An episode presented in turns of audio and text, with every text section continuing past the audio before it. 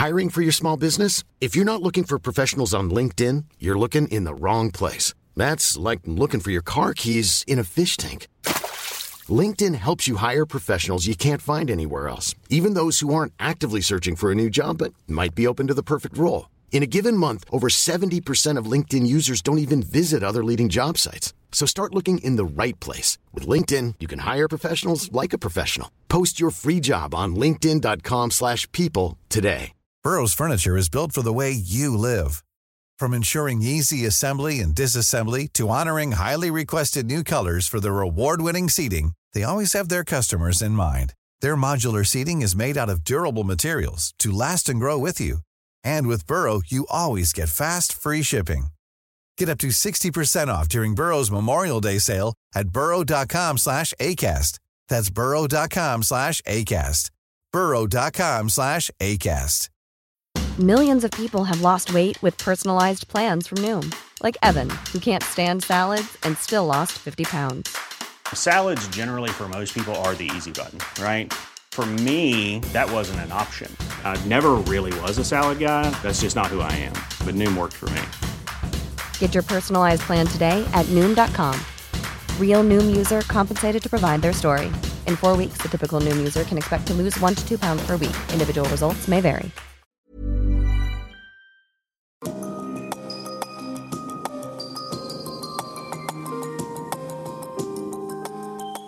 Lytter til podkast fra Oslo Militære Samfunn. Besøk vår hjemmeside oslomildsamfunn.no, og se oss også på Facebook, Twitter og LinkedIn. Vær så god, generalmajor Inge Kampenes. Vi er spent på å høre om status og utfordringer i cyberforsvaret. Talerstolen er din.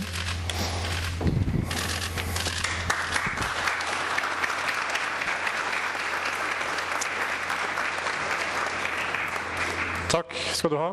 Hører dere meg bakerst der? Bra. Kjære generaler, admiraler og sjefssersjanter. ærede forsamling. Det er eh, rimelig nøyaktig to år siden sjef Cyberforsvaret sto i denne salen for å orientere om våre utfordringer og hvordan vi understøtter Forsvarets virksomhet. Verden har utviklet seg i mellomtiden, og rammene for det norske forsvaret har endret seg sammen med den. Jeg har eh, sittet i sjefsstolen på Jørstadmoen i nøyaktig fem dager. Og jeg har en operativ bakgrunn som eh, kampflyver. Så jeg vedstår at jeg er, og kanskje alltid vil være, på gyngende grunn når det kommer til tekniske detaljer. Jeg har tatt over en spennende, inspirerende og svært viktig jobb. Jeg har fått ansvaret for å lede en organisasjon som etablerer, drifter og beskytter Forsvarets samband. Selve limet i Forsvaret. Cyberforsvaret støtter de som styrer de militære maktmidlene. De som skal sørge for effekt, slik at de militære målene nås. Vi skal holde kommunikasjonslinjene åpne i fred, krise og krig. Cyberforsvaret skal sørge for sikkert samband på moderne krigeres premisser. Jobben er spesielt viktig i disse tider fordi vi opplever en voldsom utvikling i samfunnet, der moderne krig og konflikt i stadig større grad inkluderer aktiviteter i cyberdomenet. Dette er den raskest voksende trusselen i vår tid. I dag vil jeg beskrive hvordan rammene for Forsvaret har endret seg. Vi har gått fra en situasjon hvor vi levde med en etablert sannhet om at det ikke fantes noen trussel mot Norge, over til et verdensbilde som er mye mer dynamisk, komplekst og utfordrende, og med potensielle statlige og ikke-statlige motstandere som har en reell evne til å påvirke beslutningsprosesser og kritiske funksjoner i landet vårt. Cyberforsvaret opplever forsøk på inntrenging i Forsvarets datanettverk så godt som hver dag.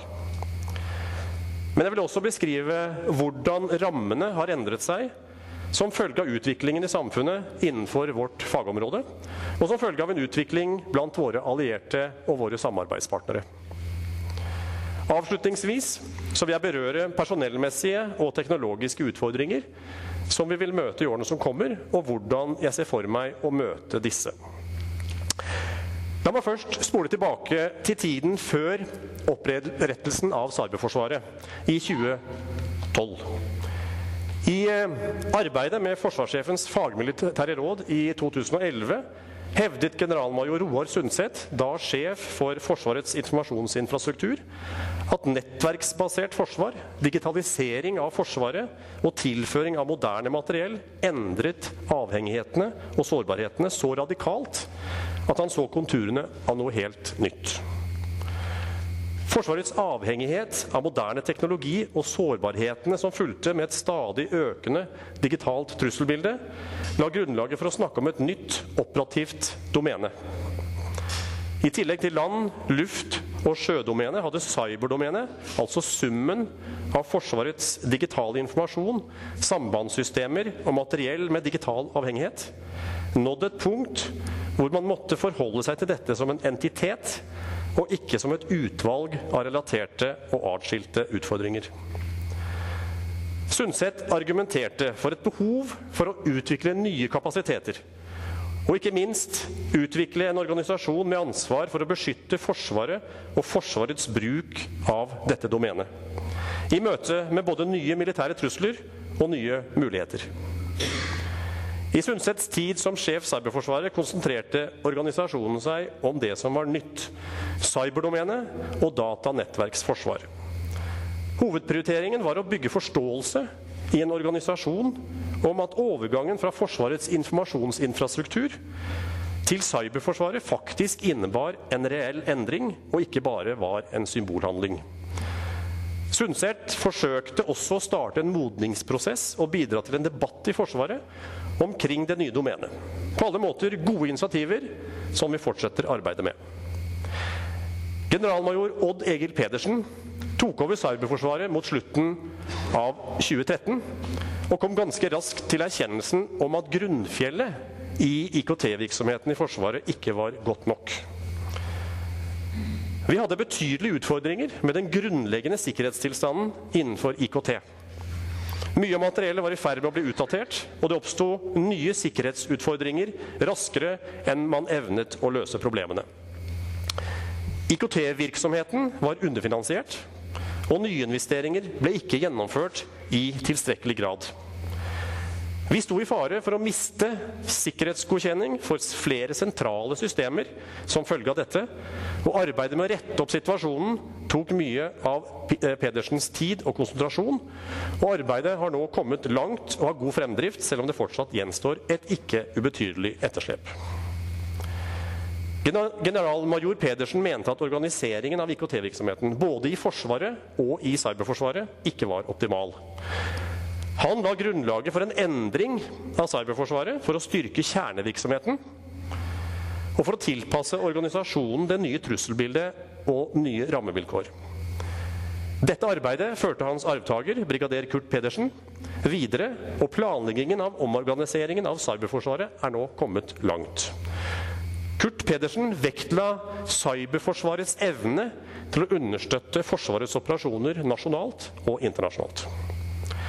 Så, Historien viser at Cyberforsvarets sjefer har vektlagt to svært viktige, men forskjellige deler av oppdragsporteføljen.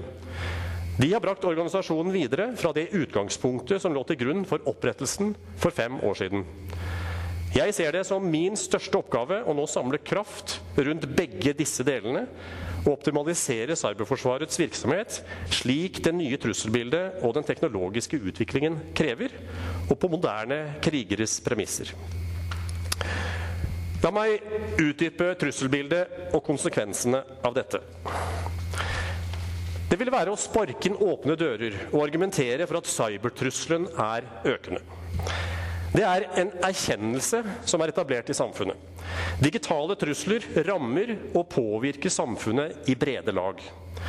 Norge er et av de mest digitaliserte samfunn i verden, rangert fra helt i toppen ned til nummer fem, avhengig av hvilken oversikt man velger å legge til grunn. Det fører med seg store muligheter vi bør utnytte, men også sårbarhet som vi må ta inn over oss. Alle sektorer i Norge, det være seg forsvar, justis, samferdsel og energisektoren, er alle understøttet, styrt og drevet med IKT. Vi har helt siden den spede begynnelsen hatt fokus på å erstatte årsverk med kostnadseffektiv teknologi. Det har gitt mange viktige besparelser, og fornying gjennom IKT har lagt grunnlag for mye av verdiskapningen som vi ser i landet vårt. Og ikke minst så står digitaliseringen fortsatt for en eh, betydelig verdistigning. I Forsvaret står vi i samme situasjon. Vi har søkt å opprettholde en høy operativ evne gjennom å erstatte mobiliseringsforsvarets volum med et moderne og digitalisert forsvar med høyteknologisk materiell og et høyt operativt tempo. Det har vi i betydelig grad lyktes med. Men samtidig har vi også effektivisert bort mye av den operative utholdenheten som fulgte med fortidens volumtilnærming. Jeg er ansvarlig for et fagområde nå som er i hurtigere utvikling enn noen annen del av militærmakten. Hvor levetiden for luftmateriell beregnes til å være 30-40 år, så er levetid og teknologiskifter innenfor IKT estimert til å være 4-7 år og enda mindre for noe materiell.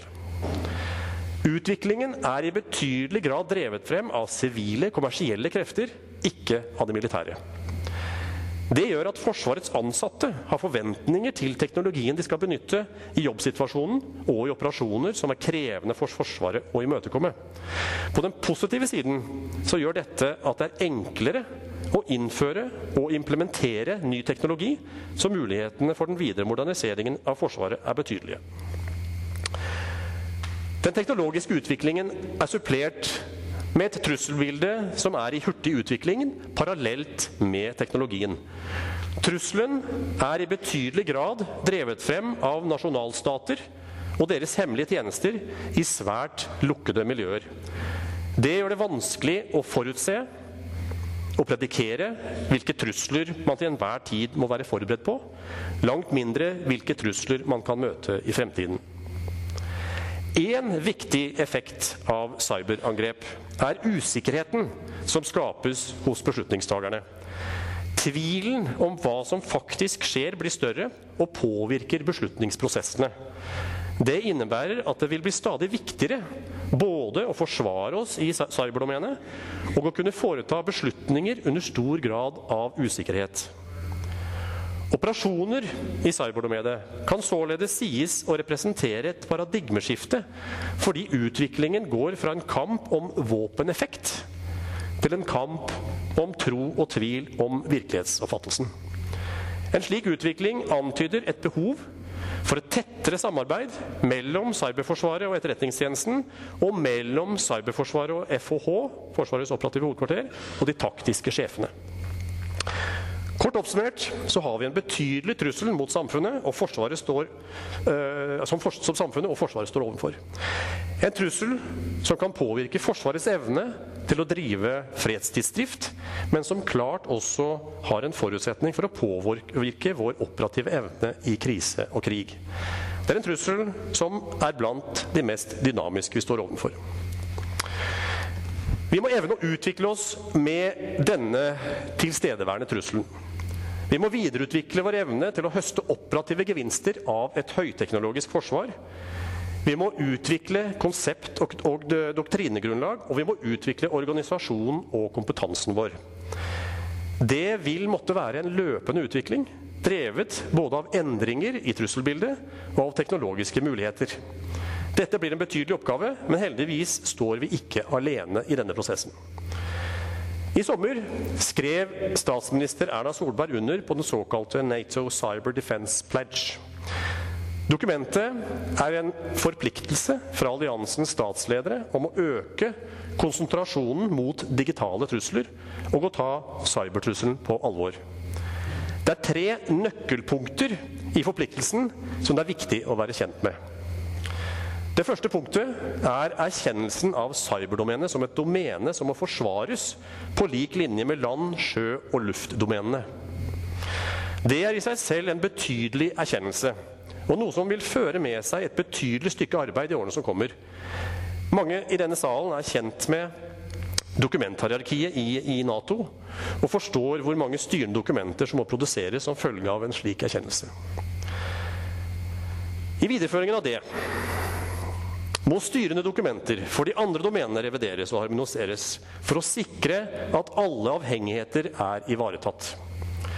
En betydelig oppgave, men det gjør jobben enklere for Norge i det at vi ikke trenger å gjøre alt dette alene. Jeg vil anbefale forsvarssjefen at vi her, som på mange andre områder, bidrar aktivt og konstruktivt i arbeidet som går i alliansen, og deretter implementeres Nato-doktriner i Norge med minst mulig endringer. Det vil gjøre jobben vår enklere og samtidig styrke samvirket med våre allierte. Det andre poenget, som har vært å trekke inn om Cyber Defense Pledge, er hvorfor Nato velger å komme til, til denne erkjennelsen. Alliansen ønsker å utvikle seg i retning av høyere interoperabilitet og samvirke mellom nasjonene. Det betyr at nasjonene må koble de operative IKT-systemene sine tettere sammen og utveksle informasjon og data sømløst. I Cyber Defense Pledge ligger det en erkjennelse om at disse sammenkoblingene gjør at alliansen som helhet aldri vil være sterkere enn sitt svakeste ledd. Nato har startet arbeidet med et nytt konsept, Federated Mission Networking, som er en samling av standarder og tekniske løsninger som gjør denne interoperabiliteten mulig. Skal Forsvaret kunne hente ut de fulle operative fordeler og skape reell kampkraft av nye kampfly, fregatter og en digitalisert hær, må vi skaffe Forsvaret kommunikasjonssystemer som gir optimalt samvirke med våre allierte.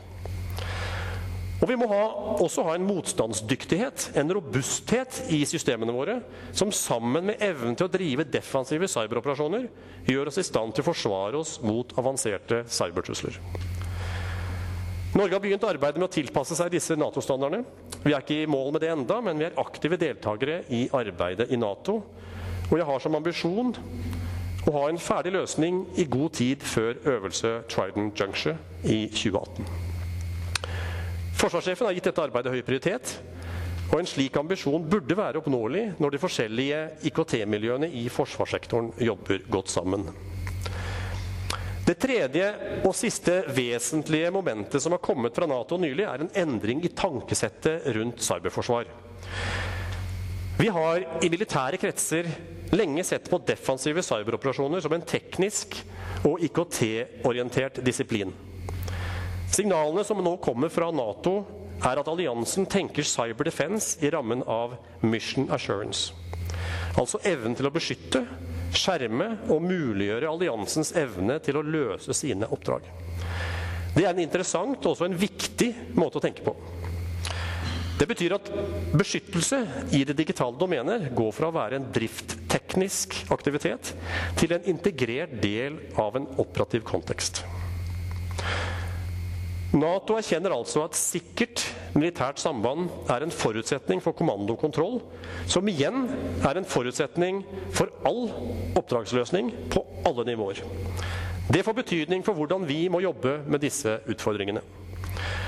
For det første så må vi slutte å tenke ensidig statisk og stasjonært rundt defensive cyberoperasjoner. Det blir fort resultatet når man tenker i rammen av infrastruktur og nettverk. Defensive cyberoperasjoner vil i fremtiden være dynamisk oppdragsløsning som fortløpende må tilpasse seg både motstanderens handlinger, motstanderens mål og egne operatives planer og mål. Vi må ha evne til å fatte tiltak som forebygger og kompenserer for trussel og risiko. På samme måte som vi planlegger for trussel og risiko mot luft-, land- og sjøoperasjoner. Operasjoner i cyberdomenet består av både defensive, etterretnings- og offensive kapasiteter. Disse kapasitetene må spille sammen for at man skal oppnå ønsket effekt. Cyberforsvaret har i dag ansvaret for de defensive kapasitetene, men er avhengig av samarbeidet med Etterretningstjenesten for å få bedre evnen til å håndtere hendelser og gjøre en effektiv jobb. Og vice versa. Vi ser med andre ord konturene av et enda tettere samarbeid mellom våre to organisasjoner. Så lenge Cyberforsvaret er de som drifter og dermed forstår Forsvarets digitale nettverk, må Cyberforsvaret ha en rolle i cyberoperasjoner. Hvordan vi skal organisere dette i Forsvaret i fremtiden, vil Forsvarsdepartementet utrede inneværende år. Den defensive kapasiteten, cyberforsvarets ansvarsområde i dag, vil måtte utvikle evne til å drive operasjonsplanlegging. Mest viktig for oss vil i fremtiden være tyngdepunktsanalyse. Gjennom en slik analyse vil vi avklare hvor operasjonene og styrkene våre er sårbare, hva som er kritiske kapasiteter, og hva som er motstanderens evne til å ramme sårbarhetene og kapasitetene våre. Med utgangspunkt i tyngdepunktet må vi fatte tiltak. Tiltak som kompenserer for motstanderens mulige handlinger, være det seg i form av økt redundans eller økt beskyttelse av kritisk cyberlende. Forsvaret må kanskje sende mobile kapasiteter ut til avdelinger for å redusere reaksjonstid og øke evne til systemgjenoppretting. Og det kan være relevant å gjøre tilpasninger av nettverk og tjenester for å frustrere eller forvirre motstanderen. Fordelen i cyberdomenet er at vi har en mulighet til å ta, tilpasse terrenget vårt til operasjonsplanene, og ikke motsatt. Det gir oss muligheter som vi ikke har i de andre domenene. Vi må også evne å se Forsvaret i et større perspektiv enn det vi gjør i dag. De fleste av dere er kjent med nyhetene som kom for en drøy uke siden om sårbarhetene knyttet til Nødnett som følge av bortsetting av driftstjenester til andre nasjoner. Denne saken har overføringsverdi til forsvarssektoren, Forsvaret og militære operasjoner. Utfordringen med moderne samband som følge av globalisering og den globale markedsøkonomien er at man etter hvert blir involvert i og avhengig av veldig lange og komplekse verdikjeder. For å dra et eksempel som jeg er godt kjent med kampflyvåpenet. Det er rimelig å anta at en i fremtiden vil se at evnen til å projisere luftmakt vil være sentral for de aller fleste av Forsvarets operasjoner. F-35 vil være en kritisk kapasitet både i land-, sjø- og luftdomenet i fremtiden. Men verdikjeden bak selve maskinen og piloten er lang, selv om det er disse man i første omgang tenker på. Flyet er avhengig av bakkeinfrastruktur, Flyplass, radarer, luftvernsystemer, drivstoff, baseforsvar. Listen er lang. Alle disse har digitale avhengigheter og sårbarheter. Men bakkeinfrastrukturen har også avhengigheter. Alt fra logistikksystemene knyttet til Forsvarets integrerte forvaltningssystem, til drivstoff og ammunisjonsforsyning, vedlikehold og reparasjonstjenester. Disse verdikjedene inkluderer et betydelig antall militære avdelinger, men også sivile underleverandører og sågar også utenlandske firmaer. Dersom en motstander skulle ønske å søke å påvirke evnen til å projisere luftmakt med F-35, er det med andre ord mange forskjellige innslagspunkter som kan gjøre ham i stand til det. Og En dyktig motstander vil se på hele verdikjeden for å finne områder som han kan påvirke. Yte innflytelse på eller degradere for å svekke den reelle operative kapasiteten til F-35. Dersom Forsvaret ikke har en god forståelse for trussel og sårbarheter i hele denne verdikjeden, og dersom Forsvaret ikke har forutsetning for å styrke eller, eller eh, beskytte alle ledd i denne verdikjeden, også utenfor Forsvaret, så kan evnen til å operere bli påvirket uten at en eneste militær avdeling nødvendigvis er berørt. Det er verdt å reflektere over. Og det er verdt å merke seg at rammene for min organisasjon fortsatt i dag er å beskytte Forsvarets systemer og nettverk. Intet utenfor. Jeg skal ikke stå i dag og gi noen fasit på hvordan cyberforsvaret skal se ut i fremtiden. Det skal omstillingen som er iverksatt, gi svaret på. Men jeg har skissert noen momenter som det vil være nødvendig for oss å ha med oss inn i dette arbeidet. Vi skal jobbe videre med forsvarssjefens eh, målbilde sikker, og effektiv K2IS, kommando- og kontrollinformasjonssystemer, som understøtter Forsvarets operasjoner nasjonalt og internasjonalt. Forsvaret skal ha en kostnadseffektiv organisering av IKT-virksomheten, men først og fremst skal vi ha sikkert samband med grunnlag for evnen til å drive moderne militære operasjoner. Og for å drive forsvarlig forvaltning av Forsvaret i fredstid. Når jeg sier sikkert samband, så er det tre tanker som er verdt å legge til sikkerhetsbegrepet. Det første er sikkerhet i evnen til å formidle informasjon. Forsvaret må vite at ledelses- og styringssystemene er tilgjengelige og fungerer når vi har behov for dem. Vi må ha stabile systemer som ikke faller ut av driftstekniske forhold som følge av klima eller som følge av slitasje. Det er en trygghet som våre operative miljøer må ha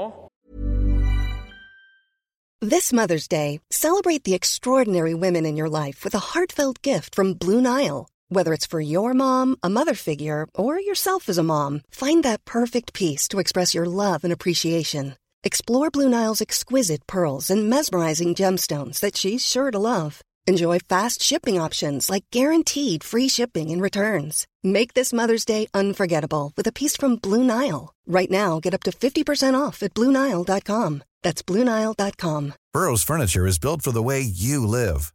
From ensuring easy assembly and disassembly to honoring highly requested new colors for their award-winning seating, they always have their customers in mind. Their modular seating is made out of durable materials to last and grow with you. And with Burrow, you always get fast, free shipping. Get up to 60% off during Burrow's Memorial Day sale at burrow.com slash ACAST. That's burrow.com slash ACAST. burrow.com slash ACAST. når de skal planlegge og løse oppdrag, spesielt i krig og krise, men også i fredstid. For å realisere denne stabiliteten er vi i dag i betydelig grad avhengig av etaten Forsvarsmateriell, som har forvaltningsansvaret for systemene våre. Men også av investeringsprosjektene som blir bestemt av Forsvarsdepartementet. Dersom det ikke investeres i infrastrukturen vår, eller den forvaltes dårlig, er det lite sjef Cyberforsvaret kan gjøre for å kompensere for det med sin driftsorganisasjon. Men jeg kan videreutvikle et godt og konstruktivt samarbeid med Forsvarsmateriell og Forsvarsstaben, slik at ansvar og roller forstås og følges, og jeg kan sørge for at vi fra Cyberforsvarets side gjør denne jobben vi skal gjøre som behovs- og kravstiller. Den andre dimensjonen er sikkerhet for informasjonen som formidles. Avdelingene våre må vite at når meldinger sendes, så kommer de frem på samme måte som det blir sendt. Uten at en motstander eller andre kan endre, påvirke eller korrumpere innholdet. Denne sikre kommunikasjonen ivaretas i betydelig grad gjennom kryptografi. Det er et spennende område, og et område hvor Forsvaret og Norge i mange år var verdensledende. Det er en svært viktig funksjon, og en funksjon som er for viktig til at vi utelukkende skal belage oss på sivile standarder eller andres produkter. Nasjonal sikkerhetsmyndighet og Forsvarets forskningsinstitutt gjør viktig arbeid for å støtte oss på kryptoområdet. Og flere av universitetsmiljøene våre driver viktig forskning. Men det er, nok, det er nok et område som må satses ytterligere på i fremtiden.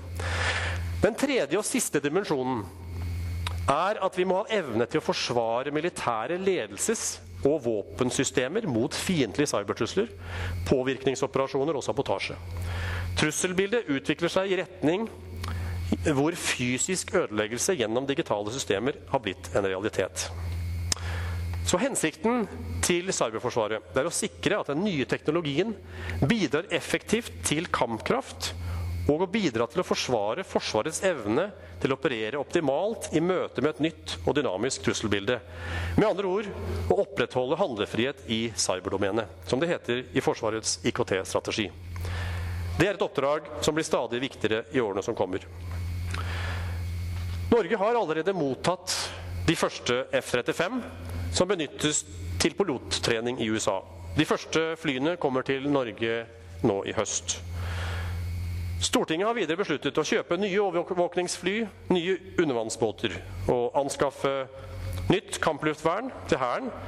Og vi har startet en eh, landmaktsutredning som skal legge grunnlaget for den videre utviklingen av Hæren og Heimevernet. Det er naturlig å anta at landmakten i årene som kommer, også skal motta nytt, mer moderne og digitalisert materiell. Forsvarsdepartementet har videre erkjent at det vil være nødvendig å investere tungt i samband for å høste det fulle potensialet av disse nye plattformene. Luftforsvaret har vært tydelig på at F-35 ikke bare er en kapasitet for luftmakt, men at kampfly også skal være en styrkemultiplikator i land- og sjødomenet. For at dette potensialet skal kunne realiseres, så vil det være nødvendig å knytte Forsvarets operative avdelinger, forsvarsgrenene og støtteavdelingene ytterligere sammen i fremtiden. Vårt oppdrag er å legge til rette for disse sammenkoblingene, både med samband, med materiell, med teknologi og med robuste konsepter som understøtter de operative miljøene. I denne konteksten ser jeg det som min oppgave å bidra til å fjerne bekymringene til Forsvarets operative sjefer. Min oppgave er å legge til rette for å muliggjøre evnen til å projisere militærmakt hurtig, mer effektivt, sikrere og med større sjanse for å lykkes. Således er cyberforsvaret en styrkemultiplikator. Cyberforsvaret består i dag av ca. 1300 personer hvorav ca. 200 er elever og soldater. Vi har et betydelig antall sivilt tilsatte, opp mot 70% i den største av de to underavdelingene. De er meget faglig dyktige og besitter i mange tilfeller kompetanse som vi ikke har evne til å erstatte.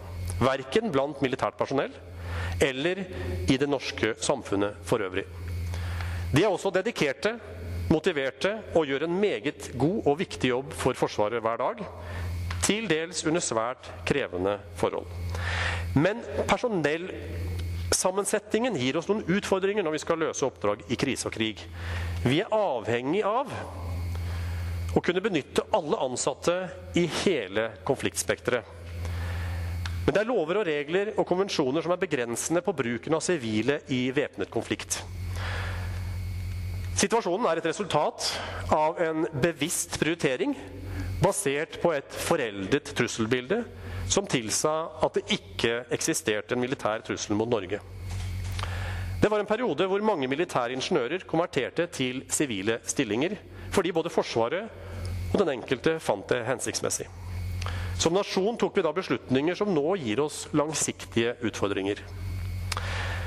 Men vi har også fått servert en løsning av Stortinget i form av ny ordning for militært tilsatte. Innføringen av det nye spesialistkorpset er en gavepakke for Cyberforsvaret. Gjennom konvertering av sivilt tilsatte til spesialister får vi en mulighet til å benytte flere ansatte i hele konfliktspekteret. Dette arbeidet er i gang, men det tar tid. Spesielt som følge av at Cyberforsvaret i stor grad står i en særstilling i Forsvaret.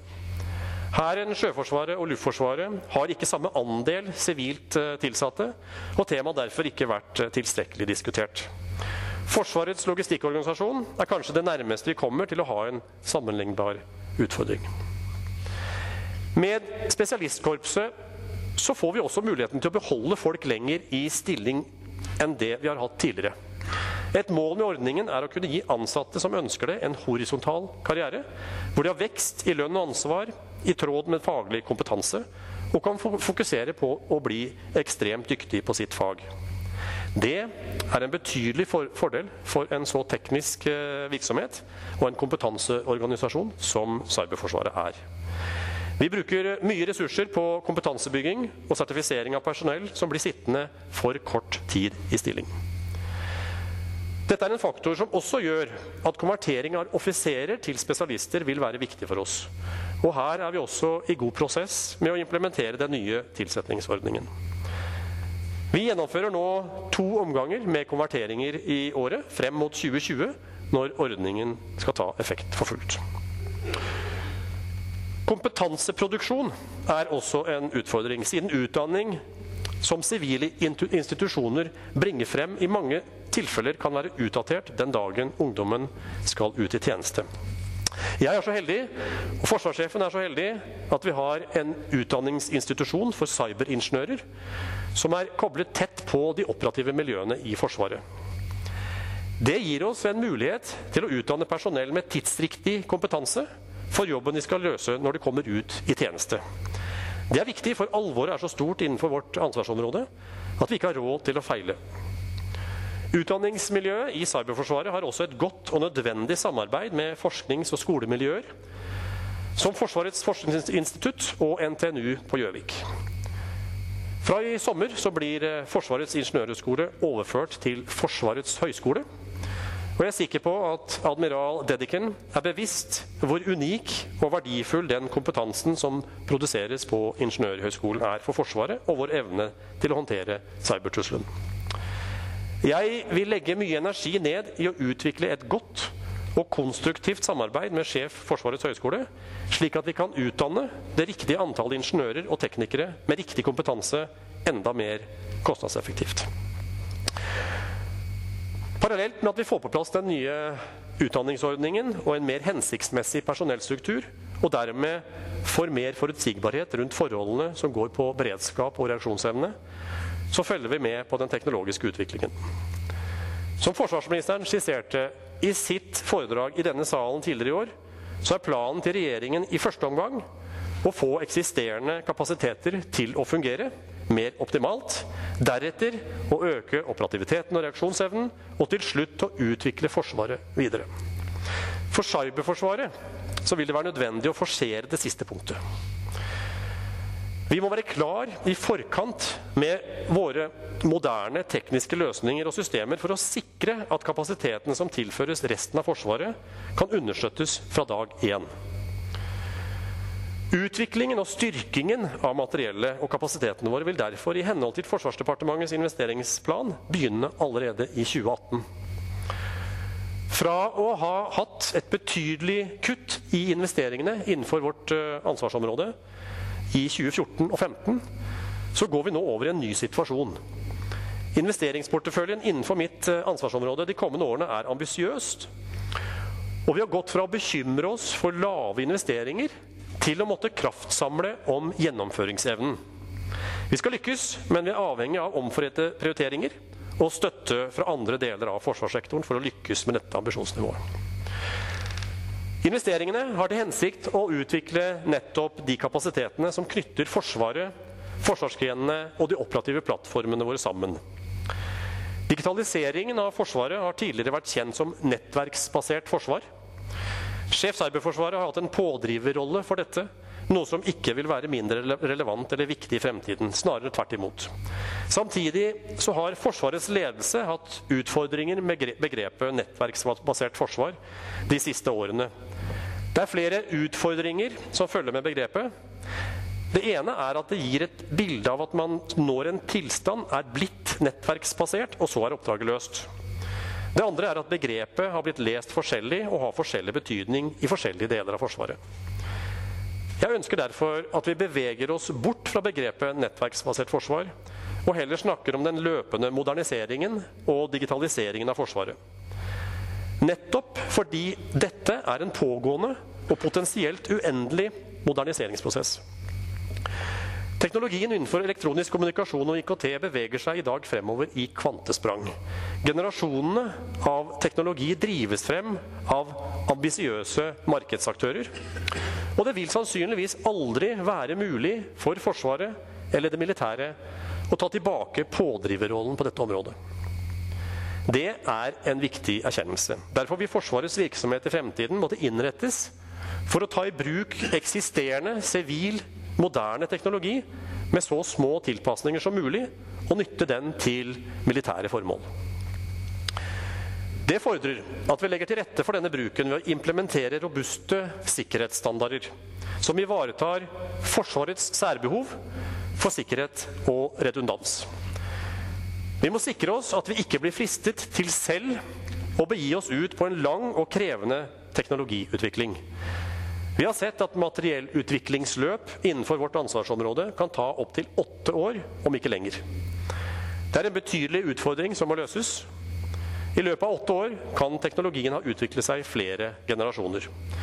Mye av det vi investerer i, eller er i ferd med å bli, uh, i, er i ferd med å bli utdatert før det altså har blitt tatt i bruk. Ved å tilpasse oss til etablerte standarder i Nato og ved å koble en størst mulig grad av sivil hyllevare og Nato-løsninger der det er mulig, så vil vi kunne redusere implementeringstiden kraftig. Derigjennom sikrer vi at Forsvarets operative avdelinger er best mulig understøttet og mest mulig teknologisk oppdatert til enhver tid. Dette er alle perspektiver som vil drøftes når Forsvarsdepartementet nå skal utrede IKT- og cyberområdene i forsvarssektoren. Arbeidet med en helhetlig gjennomgang av disse områdene ble signalisert i langtidsplanen og bekreftet i Stortingets innstilling for noen måneder siden. Jeg ser frem til resultatet av dette arbeidet, for som jeg har redegjort for, så er det betydelige utfordringer knyttet til IKT-virksomheten i Forsvaret. Jeg har tro på at arbeidet under departementets ledelse vil legge grunnlaget for å løse de fleste av disse utfordringene. Men uavhengig av hvilke beslutninger som tas på bakgrunn av utredningen, så mener jeg det er noen sannheter vi ikke kommer utenom når vi ser inn i fremtiden. Den ene sannheten er at IKT og cyberdomenet vil være enda viktigere for Forsvaret. Både når det kommer til videre effektivisering, men også for å sikre en optimal operativ evne og for å understøtte Forsvarets operasjoner. En annen kjensgjerning er at cyberoperasjoner blir viktigere for Forsvaret i fremtiden. Både som følge av utviklingen av trusselen og som følge av vår økende avhengighet av avanserte, nettverksbaserte våpensystemer og kommando- og kontrollsystemer. Dette fordrer at cyberforsvaret utvikler seg i en retning som gjør oss bedre i stand til å støtte og samarbeide med Forsvarets øvrige avdelinger. En tredje erkjennelse er at de digitale utfordringene ikke er problemer Forsvaret møter i isolasjon.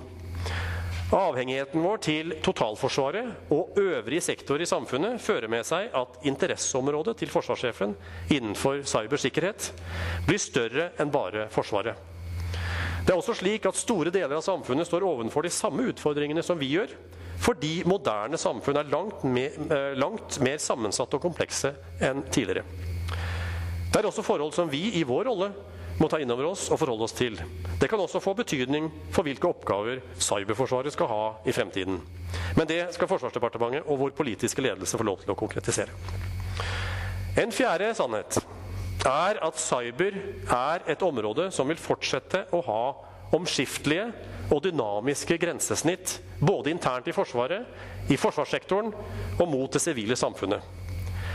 Ergo kreves det et omfattende samarbeid med mange aktører det kreves innsats for å utvikle beredskapsapparater og rolleforståelse, samt tydelig ansvars- og myndighetsforhold. I denne sammenhengen er det hensiktsmessig på det nåværende tidspunkt å være ganske pragmatisk, både med tanke på ansvarsfordeling og organisering av virksomheten. Utviklingen vil kreve et omfattende samarbeid på tvers av samfunnssektorer og med det private næringslivet for å fremskaffe og understøtte nødvendige kapasiteter både materiell, leveranser og tjenester, til det beste for samfunnet, forsvarssektoren og Forsvaret. Samtlige nasjoner i Nato jobber med å finne hensiktsmessige måter å planlegge, organisere og utføre oppgaver som hører til IKT- og cybervirksomheten. Det er derfor fornuftig å holde et øye med hva våre allierte gjør i denne konteksten. Britene offentliggjorde i 2016 en ny nasjonal cyberstrategi. De fokuserer sin videre utvikling innen cybersikkerhet langs tre akser. Den første aksen er kompetanse og kunnskap. Den andre samarbeid og informasjonsdeling. Og den tredje aksen er innovasjon og modernisering. Slik jeg ser det, er dette en god strategi også for det norske forsvaret. Og de tre aksene var for øvrig noe generalmajor Sundset fokuserte på i sitt foredrag her i Oslo Militære Samfunn for drøyt fire år siden. Så I tillegg til å sørge for sikkert samband på moderne krigeres premisser, vil jeg videreføre arbeidet langs disse aksene. Og utvikle cyberforsvaret slik at vi forblir en tidsriktig og relevant aktør i Forsvaret. Både for understøttelse av Forsvarets operasjoner og Forsvarets virksomhet for øvrig. Den digitale trusselen mot samfunnet og mot Forsvaret er økende. Oppmerksomheten på dette området er økende i samfunnet, men vi er fortsatt ikke tilstrekkelig rustet til å håndtere disse truslene. Det gjelder både for samfunnet og for Forsvaret. Vi lever i spennende tider, mine damer og herrer, og det er en spennende tid å være sjef for Cyberforsvaret. Takk for oppmerksomheten. Jeg vil nå svare på spørsmål.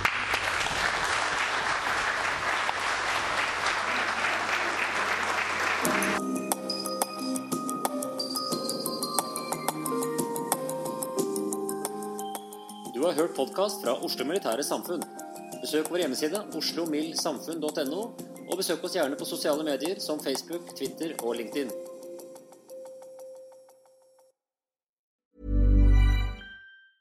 Mom deserves the best, and there's no better place to shop for Mother's Day than Whole Foods Market. They're your destination for unbeatable savings, from premium gifts to show-stopping flowers and irresistible desserts. Start by saving 33% with Prime on all body care and candles. Then get a 15-stem bunch of tulips for just $9.99 each with Prime. Round out Mom's menu with festive rosé, irresistible berry chantilly cake, and more special treats. Come celebrate Mother's Day at Whole Foods Market.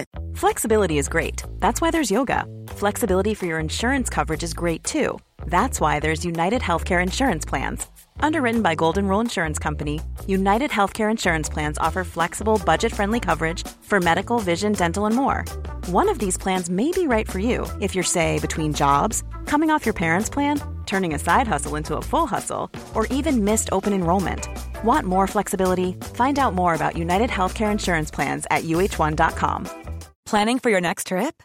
Elevate your travel style with Quince. Quince has all the jet setting essentials you'll want for your next getaway, like European linen, premium luggage options, buttery soft Italian leather bags, and so much more. And is all priced at 50 to 80% less than similar brands. Plus, Quince only works with factories that use safe and ethical manufacturing practices. Pack your bags with high-quality essentials you'll be wearing for vacations to come with Quince. Go to quince.com slash pack for free shipping and 365-day returns.